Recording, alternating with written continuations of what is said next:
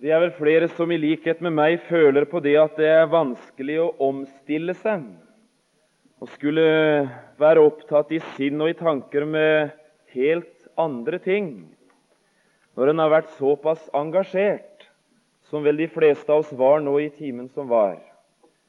Det tok oss på en veldig fin måte mye av det vi nå hørte. Allikevel så vil vi i denne timen igjen forsøke å stanse litt for noen av de som han møtte, men ikke hadde mye hjelp av på lidelsens vei, den Herre Jesus. Vi vil be i sammen. Kjære Far i himmelen. Du sa en mester i å tale de rette ord. Og tale de med en slik varme og en slik styrke at det fester seg i oss og skaper hva det nevner. Vil du nå la det feste seg i oss som vi har hørt? Vil du gjøre oss til gode forvaltere av de sannheter vi fikk? Herre Jesus, om vi kunne være slike som tok imot ordet med godvilje. Med godvilje. Og samtidig slike som gransket daglig. Er det slik? Takk for det lys vi fikk, og for de sannheter vi hørte. Og møt oss også nå på en enkel, stillfaren måte. Om det kunne være et lite glimt som kunne nå inn i et hjerte som trengte det, og få være med deg til Golgata. Gi oss ei nådestund. Amen.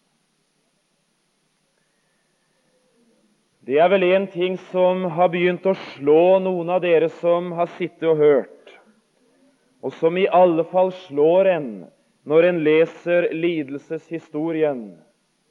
Jo mer vi nærmer oss Golgata, jo mindre ser vi til disiplene. Jo mer viktig det ble, jo mer blir de borte. De som fulgte den Herre Jesus i tre år, i tjukt og i tynt, i medgangstid da skarene samla seg, og i motgangstid da alle gikk, de glimrer nesten med sitt fravær ved Golgata. Vi nevnte så vidt i den andre timen Johannes. Han sto der. Men bortsett fra han så var de ikke med, noen av de andre. Allikevel vil vi i denne timen ta fram fire av Jesu disipler. Forsøke å peke litt på dem, finne felles trekka, og se at de nok likevel på sin måte sto i et forhold til den Herre Jesus også da. Vi synes de var utenfor det hele, disiplene. Og det er i grunnen akkurat det de var utenfor. Det er det ene hovedordet som eh, leder til tråden vår i denne bibeltimen utenfor. Og det er alltid noe som følger utenfor i Skriften. Det er alltid mørkt utenfor.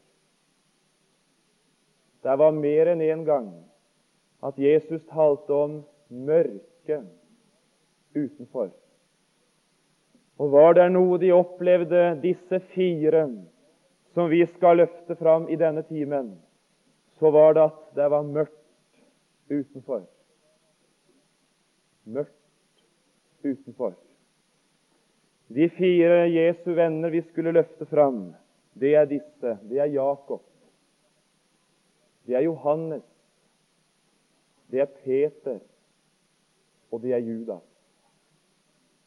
Vi skal ikke følge de i detalj, men la denne tematråden lede tanken vår utenfor. Og der de var utenfor, så opplevde de mørket. Nå kunne jeg for så vidt eh, som det første ha sagt at dette gjelder tre disipler. Det som jeg sier i den første sammenhengen her, men For bare å feste det til en person, så taler vi om Jakob. De var med også Peter og Johannes. men likevel. Den første situasjonen der jeg møter disipler utenfor, disipler i mørket, det er ute i Getsemanehagen, der lidelsens og korsets vei begynte for Herren selv. I Matteus 26, i vers 20, der får vi en liten detalj Allerede da de var samlet, de tolv, sammen med Jesus for siste gang, så står der, vers 20 Men da det var blitt aften, satte han seg til bords med de tolv. Og alt som fra det øyeblikk skjedde, det skjedde i mørket. Alt disiplene fra det øyeblikk fikk være med på, i alle fall av det som hadde med lidelsen å gjøre, det hadde noe av mørkets karakter over seg. Og når de nå sitter i sammen, synger lovsangen, deler måltidet, og Jesus innstifter dette nye, som også vi i bibelkurset skal få være sammen om på lørdag ettermiddag, Herrens måltid. Da er det som han for siste gang nyter lysets samfunn med sine. Nå skal det ikke lenger være lys før på den andre sida av et mørkt kors. Vers 30. Da de hadde sunget lovsangen, gikk de ut til Oljeberget. Og på veien nå ifra Oljeberget ned imellom hagens dunkle trær, så begynner Jesus å forberede de på veien, på kampen, på mørket, og på at de kommer til å oppleve et utenfor, hver eneste en av de. Da sier Jesus til dem i denne natt I denne natt i denne natt, mørkt, skal alle, skal dere alle, ta anstøt av meg, for det er skrevet, jeg vil slå jorden, slå hyrden, unnskyld, og jordens får skal adspredes. Og Så står han der med en eneste gang, Peter, slik vi kjenner han, vers 33. Om alle tar anstøt av deg, så vil jeg aldri ta anstøt. Jesus sa til ham, sannelig, jeg sier deg, i denne natt, Peter, det blir natt nå. Det blir natt også for deg som har lyse forhåpninger og stor tro, og enda ikke riktig forstår hva det dreier seg om. I denne natt, Peter, der blir mørket, der blir utenfor, også i ditt liv. I denne natt før hanen galer, skal du fornekte meg tre ganger. Om, så, om jeg så skal dø med deg, Herre, vil jeg ikke fornekte deg. Og det samme sa alle disiplene. Men forberedt var de. Og da stunden i hagen kom, så opplevde de hvem som var sannheten, og hvem som hadde talt sannheten. Jeg skal ikke skildre mye av det som skjedde i Getsemane, bare gjøre deg oppmerksom på en voldsom kontrast. Hvis du slår opp i Lukas 22, så møter du en frelser i kamp. En frelser på vei inn i et mørke som skulle føre den hardeste kamp med seg som noen i denne verden har smakt og kjent i Lukas 22. Jeg har bare trang til å lese litt her. For sjølve orda skaper i grunn akkurat den situasjonen. Og skaper så fint inntrykk av hva det dreide seg om. I vers 41. Og han slet seg ifra dem. Han slet seg ifra dem. Der han for siste gang hadde delt måltid og samfunnet med sine, hadde han òg kjent noe av gleden i samfunnet. og hadde endog sagt noe om en gang da han igjen skulle nyte dette måltid med sine. Samfunn for den Herre Jesus med syndere er like, ja kanskje mer tilfredsstillende for den Herre Jesus enn samfunn med Jesus kan kjennes tilfredsstillende for en synder. Å, men det er tilfredsstillende for en synder å ha samfunn med den Herre Jesus. Du som ønsker å være tilfreds, å, du må finne inn i samfunnet med Jesus. Og jeg syns òg det er så fint. Mesteren er tilfreds når han får være sammen med syndere, være god imot dem, ta seg av dem, stelle med dem, ja, endog de ringeste, skrøpeligste lemmer. Og som det er en tilfredsstillelse for Jesus å ta seg av slike. Det skal du tenke mye på, som er ung og som kjenner deg mislykka, som sammenligner deg med andre, eller ikke minst med Guds ord, og kjenner du er ikke som du skulle ha vært. Du får ofte slike tanker. Mon den Herre Jesus vil ha noe med meg å gjøre. Ja, det kan du stole på han vil. Det kan du stole på han vil, og du skal slippe å nøde han. Du skal få slippe å trekke han ned. Han kom frivillig. Hvorfor det? På grunn av den tilfredsstillelse som han visste det måtte bli, og ville bli, og skulle bli, å ta seg av syndere og ete sammen med dem. Tenk å få være med og tilfredsstille den Herre Jesus. Det, det syns jeg altså er fint. Tenk at syndere kan det. Simpelthen ved å være rolige, så Jesus får ta seg av.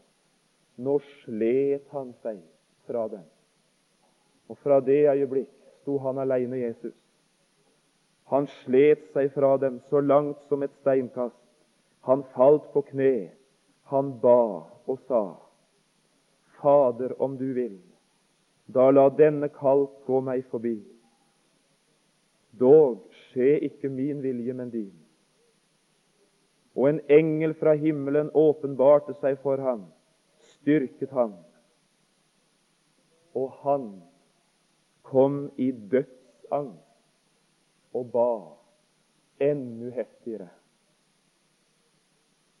Her er en frelser som kjemper, som våker, og som vet det som ingen visste sammen med han i det øyeblikk, hva han var på vei imot.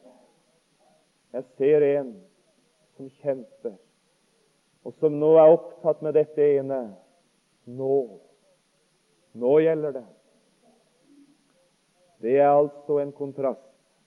Å gå tilbake til Matteus 26 og lese et par trekk av følgende. Matteus 6 og 20. I avsnittet fra vers 37 der. Da ser du i begynnelsen fra vers 37 akkurat det samme som vi leste i Lukas. Og Går du ned til vers 40, så skal du altså finne en, en voldsom kontrast. Og han kommer til disiplene og finner den sovende. Han sier til Peter, så var dere da ikke i stand til å våke én time med meg. Våk og be, for at dere ikke skal komme i fristelse. Ånden er villig, men kjødet er skrøpelig. Atter gikk han annen gang bort, ba og sa, Min far, kan ikke dette gå meg forbi? uten at jeg må drikke det. Da skje din vilje. Og så igjen. Og han kom og fant dem atter sovende, for deres øyne var tunge, og han lot dem være. Og Så går han enda en gang tilbake, og tredje gang så vekker han sovende disipler. De kunne ikke våke. Ser du kontrasten? Her er det en som kjemper med det som er slektens største sak, og som skjønner at har det ikke gjeldt noen gang, så gjelder det i alle fall nå. Men det var bare én som så, og som skjønte, og som derfor kjempet. De andre så. Jeg har lyst til å gjøre deg oppmerksom på en annen gang. Da var det noen i en båt på Genesaretsjøen. Da gjaldt det òg livet, trodde de tolv. Og det var ingen som fikk blund på øynene den natta. Det var ingen som opplevde at søvnen kom på vei over Genesaretsjøen. De ropte over seg, 'Mester, Bryr du deg ikke om vi går under? Nå gjelder det livet, Jesus. Men han sov. Han sov. Kjødet, sier Jesus, er skrøpelig. Er ikke dette oss? Når det gjelder menneskelivet, når det gjelder daglige bekymringer, når det gjelder hverdagens problemer som fortoner seg som fjell, selv om de i evighetssammenheng kanskje ikke er et støvkorn engang. Da våker vi. Da er det våken etter og kamp og strev og bekymring og slit. Men når det åndelig gjelder, når det virkelig gjelder Å, men da sover jeg. Det der skildrer jeg bare slik for å illustrere dette ene. Det mesteren nå var på vei imot, det måtte han gjøre ganske alene. Lidelsesveien, den måtte han gå alene. Kjødet er skrøpelig. Å, men jeg blir avkledt når jeg ser han Jakob i Getsemane. Å, men jeg leser attesten om meg selv. Så var du ikke i stand. Nei, er det noe evangeliet har fortalt meg, så var det det. Jeg var ikke i stand. Jeg var ikke i stand ikke engang til å våke med han, og langt mindre til å gå veien med han, og aller minst til å finne himmelveien slik han fant det. Kjære venn, du er ikke i stand. Du er ute av stand.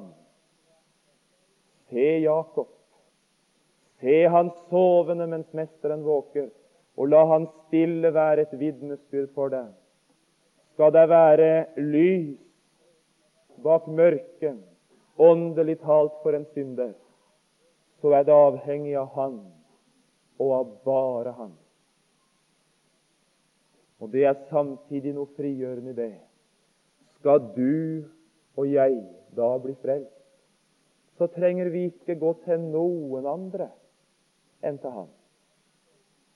Ja, for hvis Han fullførte hele frelsen og gjorde det helt alene, hvis alt som skjedde så fullkomment som evangeliet har gjort oss kjent med det, hvis alt skjedde bare omkring Han, da er det bare Han jeg trenger.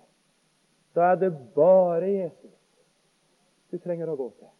Da er det ingen andre. Han. Han. Å, men det er enkelt å bli en kristen. Du skal få slippe å spørre den retningen og den organisasjonen og den sammenhengen der de lærer sånn. Du skal stille og enkelt gå til ord om Jesus, og så skal du spørre han, Jesus, jeg er gjort kjent i ditt ord med at alt som heter guddommelig frelse, det er knyttet bare til deg. Vil du hjelpe meg at forholdet til deg kunne bli i orden? Jeg har så lyst til å si det var godt Jakob så. Det var godt han vitnet så tydelig for oss at frelsesveien, det er veien utenom mennesket. Det er veien til Jesus, og bare til ham. Det er enkelt, da. Er forholdet mitt til Jesus i orden? Jakob var ute av stand til å følge ham. Han måtte se Jesus gikk veien alene. Og så fikk han møte en, den samme Jakob, på den andre sida av oppstandelsen. I tilbedelse, i takknemlighet, i hengivelse. Å, men Jesus, jeg som ikke var i stand, tenk at jeg til og med nå skal få være hos deg som var i stand. Tenk at jeg, Jesus, så som ikke kunne, enda skal få være i samfunn med deg som kunne. Jakobs mørke, det er det mørke som et menneske opplever når han må erkjenne jeg kan ikke selv. Jeg kan ikke selv. Jeg er ikke i stand selv. Utgangen av det mørket er i lyset fra oppstandelsesbudskapet, der Herren selv fikk bekreftelse fra Faderen. Det er godkjent. Veien er ute i lyset i opplevelsen av dette hva ingen andre i verden kunne. Det både ville og kunne han. Jakob var utenfor. Det var mørkt for ham, ikke i stand. Og så fikk han likevel være hos dem som var i stand. Og så fikk han fryde seg i lyset hos sin frelser. Den andre, det er Johannes. Han var den eneste av de tolv som fulgte Jesus gjennom byporten i Jerusalem og gikk med ham, Hebrebrevet 13, utenfor leiren. Det er den eneste i evangeliene som vi ser stå utenfor leiren, utenfor porten, utenfor og under Jesu kors fikk oppleve tre mørke timer. Et mørke utenfor. Vi kan gjerne lese dette i Lukas 23, hva der skjedde utenfor, slik Johannes han, han så det. Lukas 23, vers 44. Og der var omkring den sjette time. Da ble det mørke over hele landet, like til den niende time. Og solen ble formørket, og forhenget i tempelet revnet midt etter. Var det noen tid på dagen den dagen der ikke skulle ha vært mørkt, naturlig, så var det klokka tolv ved høylysdag den sjette time. Det mørket som kom, var da heller ikke naturlig. Det var av en ganske annen kvalitet og av karakter. Ved den sjette time ble det mørke og nå utbryter i dette mørket Sønnen noe som han aldri i evigheten og aldri i tiden fram til dette øyeblikk hadde kunnet sagt. Min Gud, min Gud, hvorfor har du forlatt meg? I evigheten hadde han aldri vært forlatt av sin far. Der hadde vært et uavlatelig, velbehagelig samfunn. Ifra han kom og helt fram til dette øyeblikk hadde han hele veien eid fortrolig samfunn med sin far. Men i dette mørket, i mørket utenfor, så opplevde han dette for første gang og for siste gang. Min Gud, min Gud, hvorfor har du forlatt meg? Og så smakte han det som du og jeg aldri i evighet skal kunne trenge å smake, nemlig å være overlatt i det mørket utenfor, der det heter 'forlatt av Gud'. Det er av og til noen iblant oss som har det svart. De har det tungt, de har det vanskelig. De kjenner seg utenfor samfunnet. De kjenner seg utenfor de som er godkjent i Skriften. De kjenner seg utenom alt. Jeg tenker ikke minst på alle de som i våre dager sliter med psykiske ting. Jeg sitter gjerne noen her som veit hva depresjonsmørket er for noe. Som veit hva angsten kan herje et menneskesinn. og som vet av egen erfaring at det å være sjuk på den måten, det er noe som griper langt inn i ditt åndelige liv. Det første en kristen mister når depresjonens mørke senker seg over sinnet, det er frelsesvisshet. Det er trygghet. Det er hjertefred. Det er glede. Og det er godt da at ikke frelsen er knyttet til følelser folk, og til det å kjenne seg nær Gud. Jeg kunne sitte en, en, en sliter her i forsamlingen nå som har hatt det svart. Du har kanskje ikke endog våget å snakke med noen om hvordan du har forandra deg i sinnet ditt, hvordan det har lagt seg en demper på det alt. Og Du har ofte tenkt mon det er mitt åndelige liv det er noe galt med. Jeg vil så gjerne gjøre oppmerksom på dette. Jeg er ikke psykiater og har ikke mye forstand på det. Men når en samtaler med mennesker en og annen gang, så får en vel av og til også et glimt inn i det der. Jeg har så lyst til å si å føle seg forlatt av Gud, det kan nok oppleves i denne verden. Men å være forlatt av Gud er det ingen i denne verden som har vært uten denne. Og jeg har så lyst til å si om du føler deg forlatt, så er du ikke forlatt. Om du kjenner deg aleine, der er samfunn likevel. Jeg skal lese et eneste ord for deg og streke under et lite ord i dette verset på tre bokstaver. Om det kunne tenne ei lita lykt i ditt mørke. Esaias kapittel 50 og vers 10. Da du gikk på skolen, så lærte du noe om eiendomspronomen. Et eiendomspronomen tilkjennegir at en eller annen ting eller sak eller person tilhører en annen.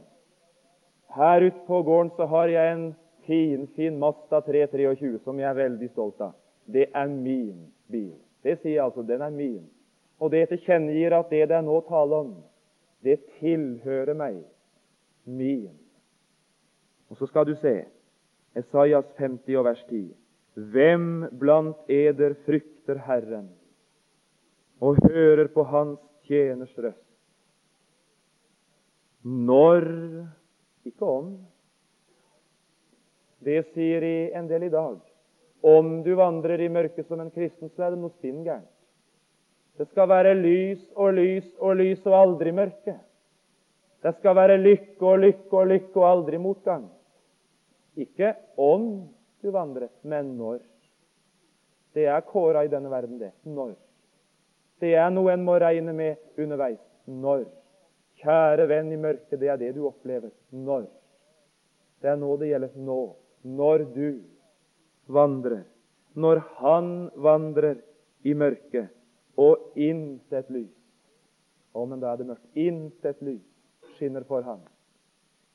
Du som vet hva depresjonsmørket er, eller som har kjent syndenøden i hjertet ditt og i livet ditt slik at det var ingen utvei. Du veit hva det betyr. Det er intet lys som skinner. Til alt det som jeg leste, sang vi, meg bare ble til dom. Bare ble til dom. Bare intet lys skinner for ham. Hva da? Når han vandrer i mørket, og intet lys skinner for ham, skal han sette sin lit til Herrens navn det er det du følelsesmessig ikke kan. Det er det du aldri makter å få til, syns du. For i stedet for å tro, så tviler du. I stedet for å være trygg, så, så er du utrygg. Og hør likevel, og der står han skal sette sin lit til Herrens navn og stole på de andres Gud. Og stole på sin Gud. Vidunderlig eiendomspronomen. Sin Gud. Ikke deres Gud som er i lyset, og som bare opplever lys, og som aldri har erfart hva det er å være i mørket når intet lys skinner. Han skal sette sin liv til Herren og stole på sin Gud. Og jeg har så lyst til å si Det var derfor han hang mellom himmel og jord og ropte et Min Gud, min Gud, hvorfor har du forlatt meg? Det var for at du til og med nå skulle få kalle Herren din Gud.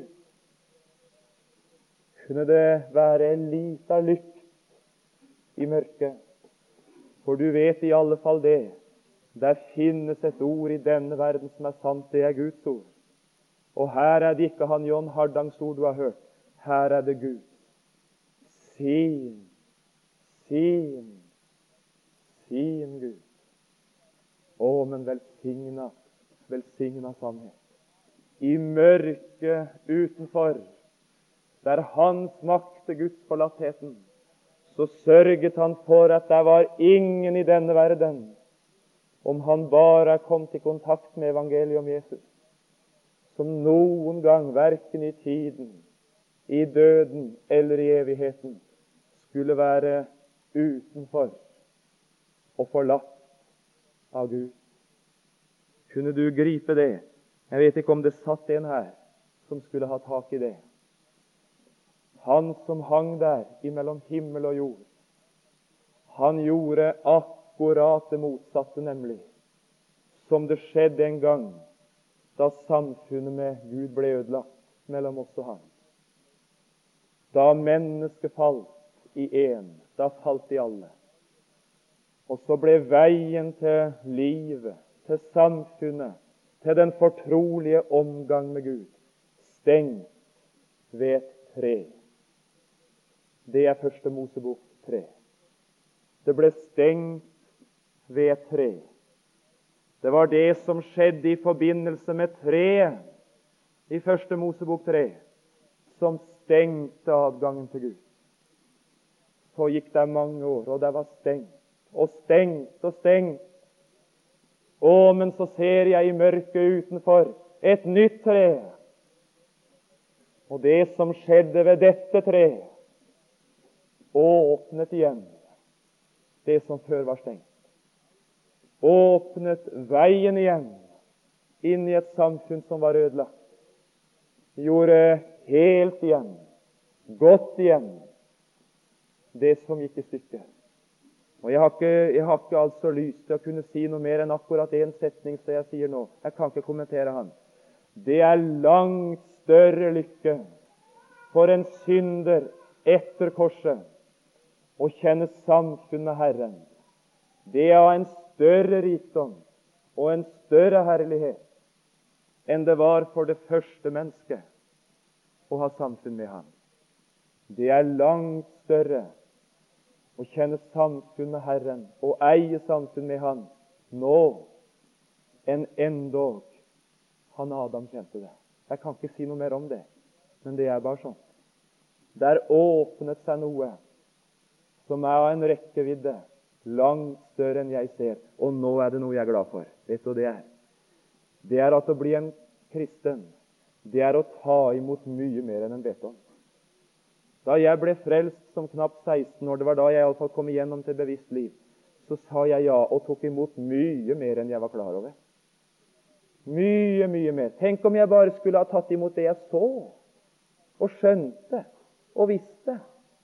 Da hadde jeg tatt imot lite den første dagen. Da var det smått med de fleste av oss. Men vi tok imot mye mer enn det vi så. Kjære unge kristne venn, du har mye mer enn du ser. Du har langt mer enn du har erfart. Du har jo Jesus, og i ham er alle visdommens og alle kunnskapens skatter skjult til stede. Har du Han, og da har du alt. Men nå har jeg alt. Ja, alt i Jesus. Legedom for alle hjertesår. Å, men det er godt når det er vondt, altså. Legedom for alle hjertesår. Ingen synd som ikke Han forlater. Ingen nød som ikke han forstår. Alt i ham.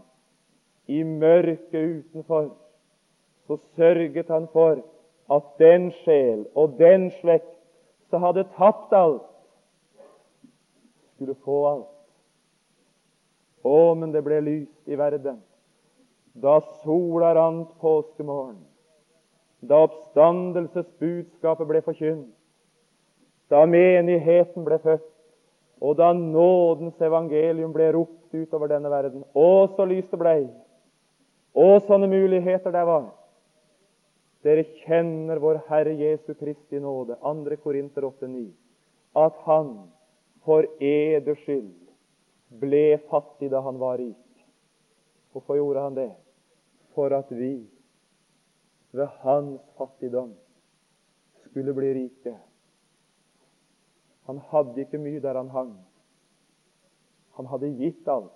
De hadde ikke tatt det, men han hadde gitt det. De tok ikke Jesu liv, men han uttømte sin sjel til døden. Og ved å gi alt, så vant han. Og ved at han ga, så fikk jeg. Det er velsigna godt, er det ikke det? I mørket utenfor ordnet han det slik at jeg aldri skulle havne der. Det tredje Og det var to ting nå imot slutten. Det tredje, det var han Peter. Han var ikke ved Golgata. Han burde ha vært der, men han kom ikke. Beretningen om Peter den endte i forbindelse med korset på en forferdelig måte for ham. Hvis du ser i Lukas 22 og slår opp i vers 62, så skal du se en som ikke har det godt. Lukas 22, 62. Og han gikk ut. Han gikk ut. Og så er Peter utenfor. Han gikk ut og gråt bittert.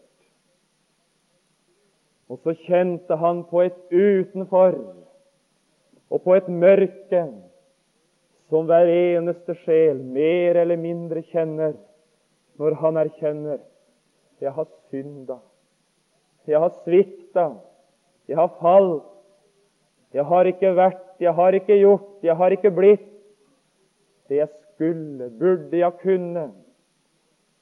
Der står en disippel i mørket utenfor med det som vi ikke taler om lenger nå for tida, det som heter syndenød. Jeg har jammen lyst til å si det, selv om det kan være mange tanker om akkurat det der. Jeg har lyst til å si Tenk om vi kunne oppleve gammeldags syndenød i ungdomsflokkene våre. Der spørsmålet ikke lenger var meningen med livet, eller å få en glede og fred i hjertet, eller å få en å gå til når en føler seg aleine. Og sånne grunne ting. Ja, det er jo ikke det altså evangeliet gir, det der. Både hjertefred og hjerteglede. Er det noen plass det er mening med livet, så kan du stole på det hos Jesus. Er det noen plass du skal slippe å være aleine, så er det hos Han. Men evangeliet griper da dypere, gjør det ikke, enn til de som savner mening og følbar fred og glede og trygghet slik. Det var da mer han kom for. Han kom for å gjøre noe med en slekt under dom på grunn av synd. Om det kunne bli vekkelse på den måten at det var synden igjen som ble problemet. For det er synden er problemet, og dommen er så fortvilt vanskelig å komme unna. Der blir nåden redningen. Og Jesus Frelseren. Der blir evangeliet den eneste mulighet for en fortapt sjel. Vi ser det. Å, men vi skulle ønske vi så mye mer av det. Det var noen som kom dit. I mørket utenfor sto der en med nød på grunn av sin synd. Og Det som kanskje var det sværeste for Peter, det var disse to ting. Han visste menneskelig sett, Peter, jeg får aldri gjort godt igjen. Jeg får aldri sjanse å tale med Jesus om det jeg nå kjenner. Peter så i mørket utenfor. Alt er tapt. Alt er forbi. Og Peter så endog et blikk ifra Jesus. Da Herren vendte seg Litt lenger opp her i Lukas 22, vers 61. Da Herren vendte seg og så på Peter, så så han et blikk fylt av kjærlighet. Fylt av tilgivelse. Han så ikke dom i det blikket, kan du stole på. Men det var likevel en følelse hos Peter. Dette er uoppnåelig for meg, Jesus. Ja, det er noen jeg skulle ønske jeg kunne sett rett inn i øynene igjen og få grått ut hos og skvære opp med, så er det deg. Men der er ingen mulighet for meg. Hører du syndenøden hos Han så, som er vakt, og som ikke ser noen utvei? Jeg får aldri ordna meg opp. Om det endog tales om nåde og tilgivelse og mulighet, så er det ikke håp for meg. Og så står han der utenfor i mørket, denne Peter, gråter, og der er intet håp. Og kunne vi altså ha, ha gått litt i detalj hva som førte Peter dit? Det skal jeg ikke gjøre. Jeg skal bare gjøre deg oppmerksom på to setninger og ikke kommentere det i det hele tatt. Det er her i Lukas 22, vers 54. Det som gikk før Peters fall, det var to detaljer som kanskje kunne anvendes, og du får anvende det som du vil. Peter fulgte langt baketter. Peter fulgte langt baketter. Det er vanskelig å gjøre Jesus imot når du er nær ham.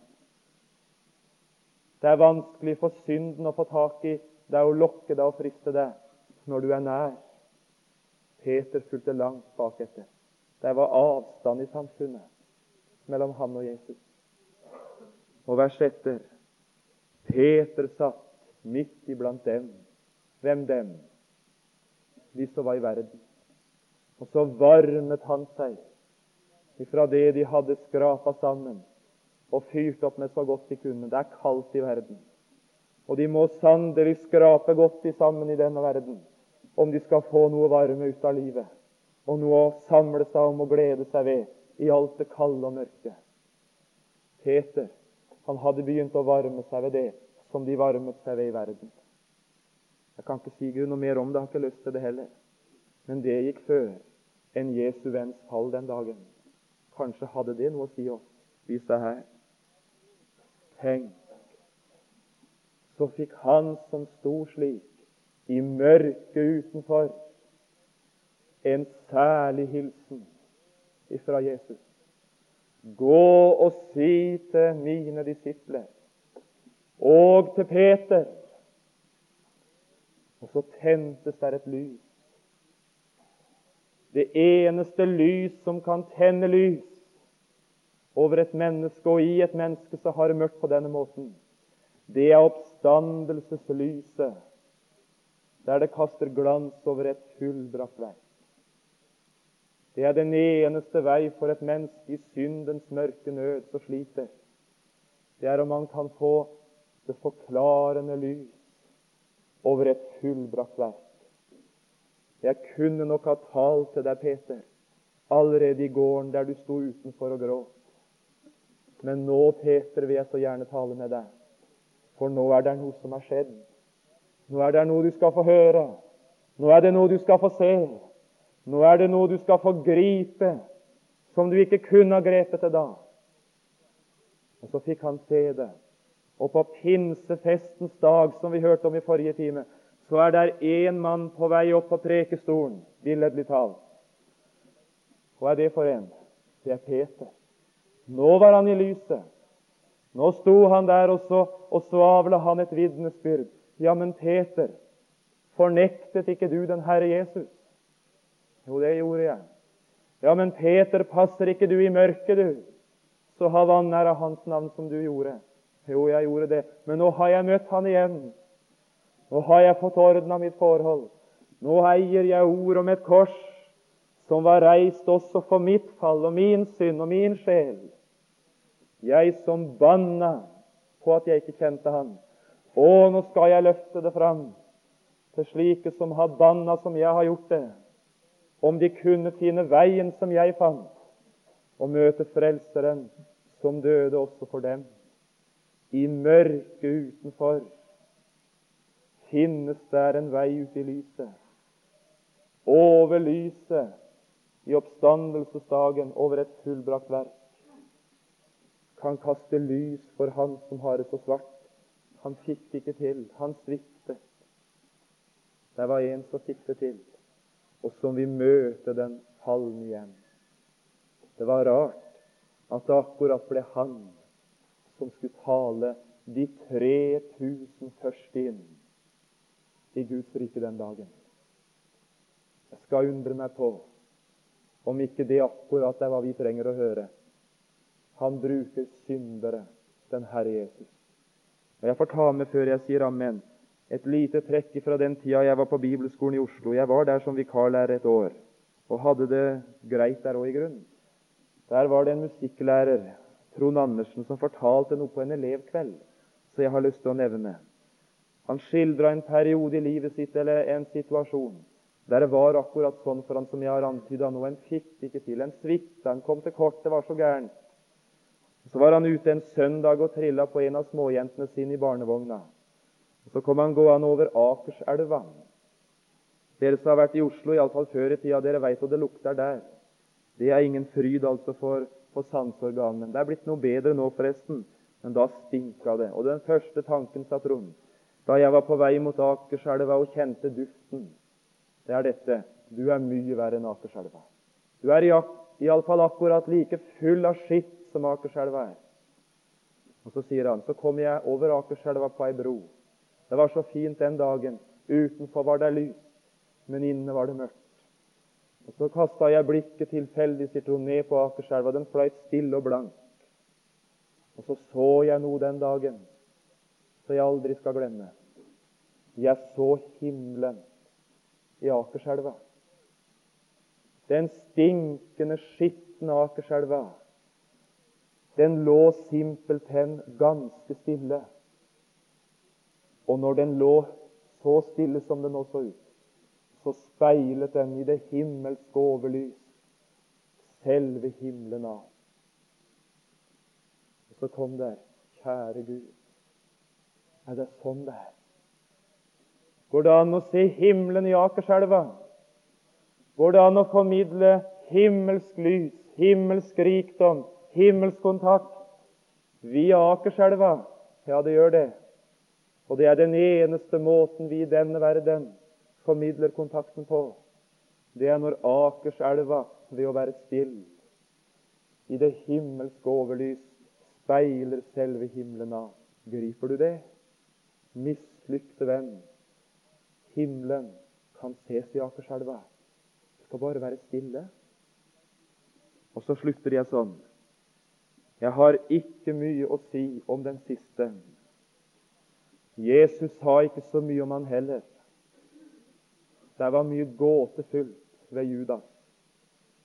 Jeg skal lese Johannes 13 og vers 30, og så skal du få to minutter etter det. For dette klarer jeg ikke å si noe om i grunnen. Johannes 13 og vers 30. Da han Nå er det Judas. Da han nu hadde fått stykket, gikk han straks ut. Men det var natt. Og fra det øyeblikk, kanskje enda langt før, så var Judas i mørket utenfor. Så kan du slå opp i Matteus 27, og så kan du lese fra vers 4. Et vitnesbyrd fra en mann utenfor. Jeg har syndet da jeg forrådte uskyldig blod. Han angret vel på sett og vis, kanskje, Judas. Peter angret òg. Og allikevel så gikk det stikk motsatt vei for disse to. Den ene gikk til Jesus i sin anger, gråt ut og fant oppreisning. Den andre gikk òg. Vers 5.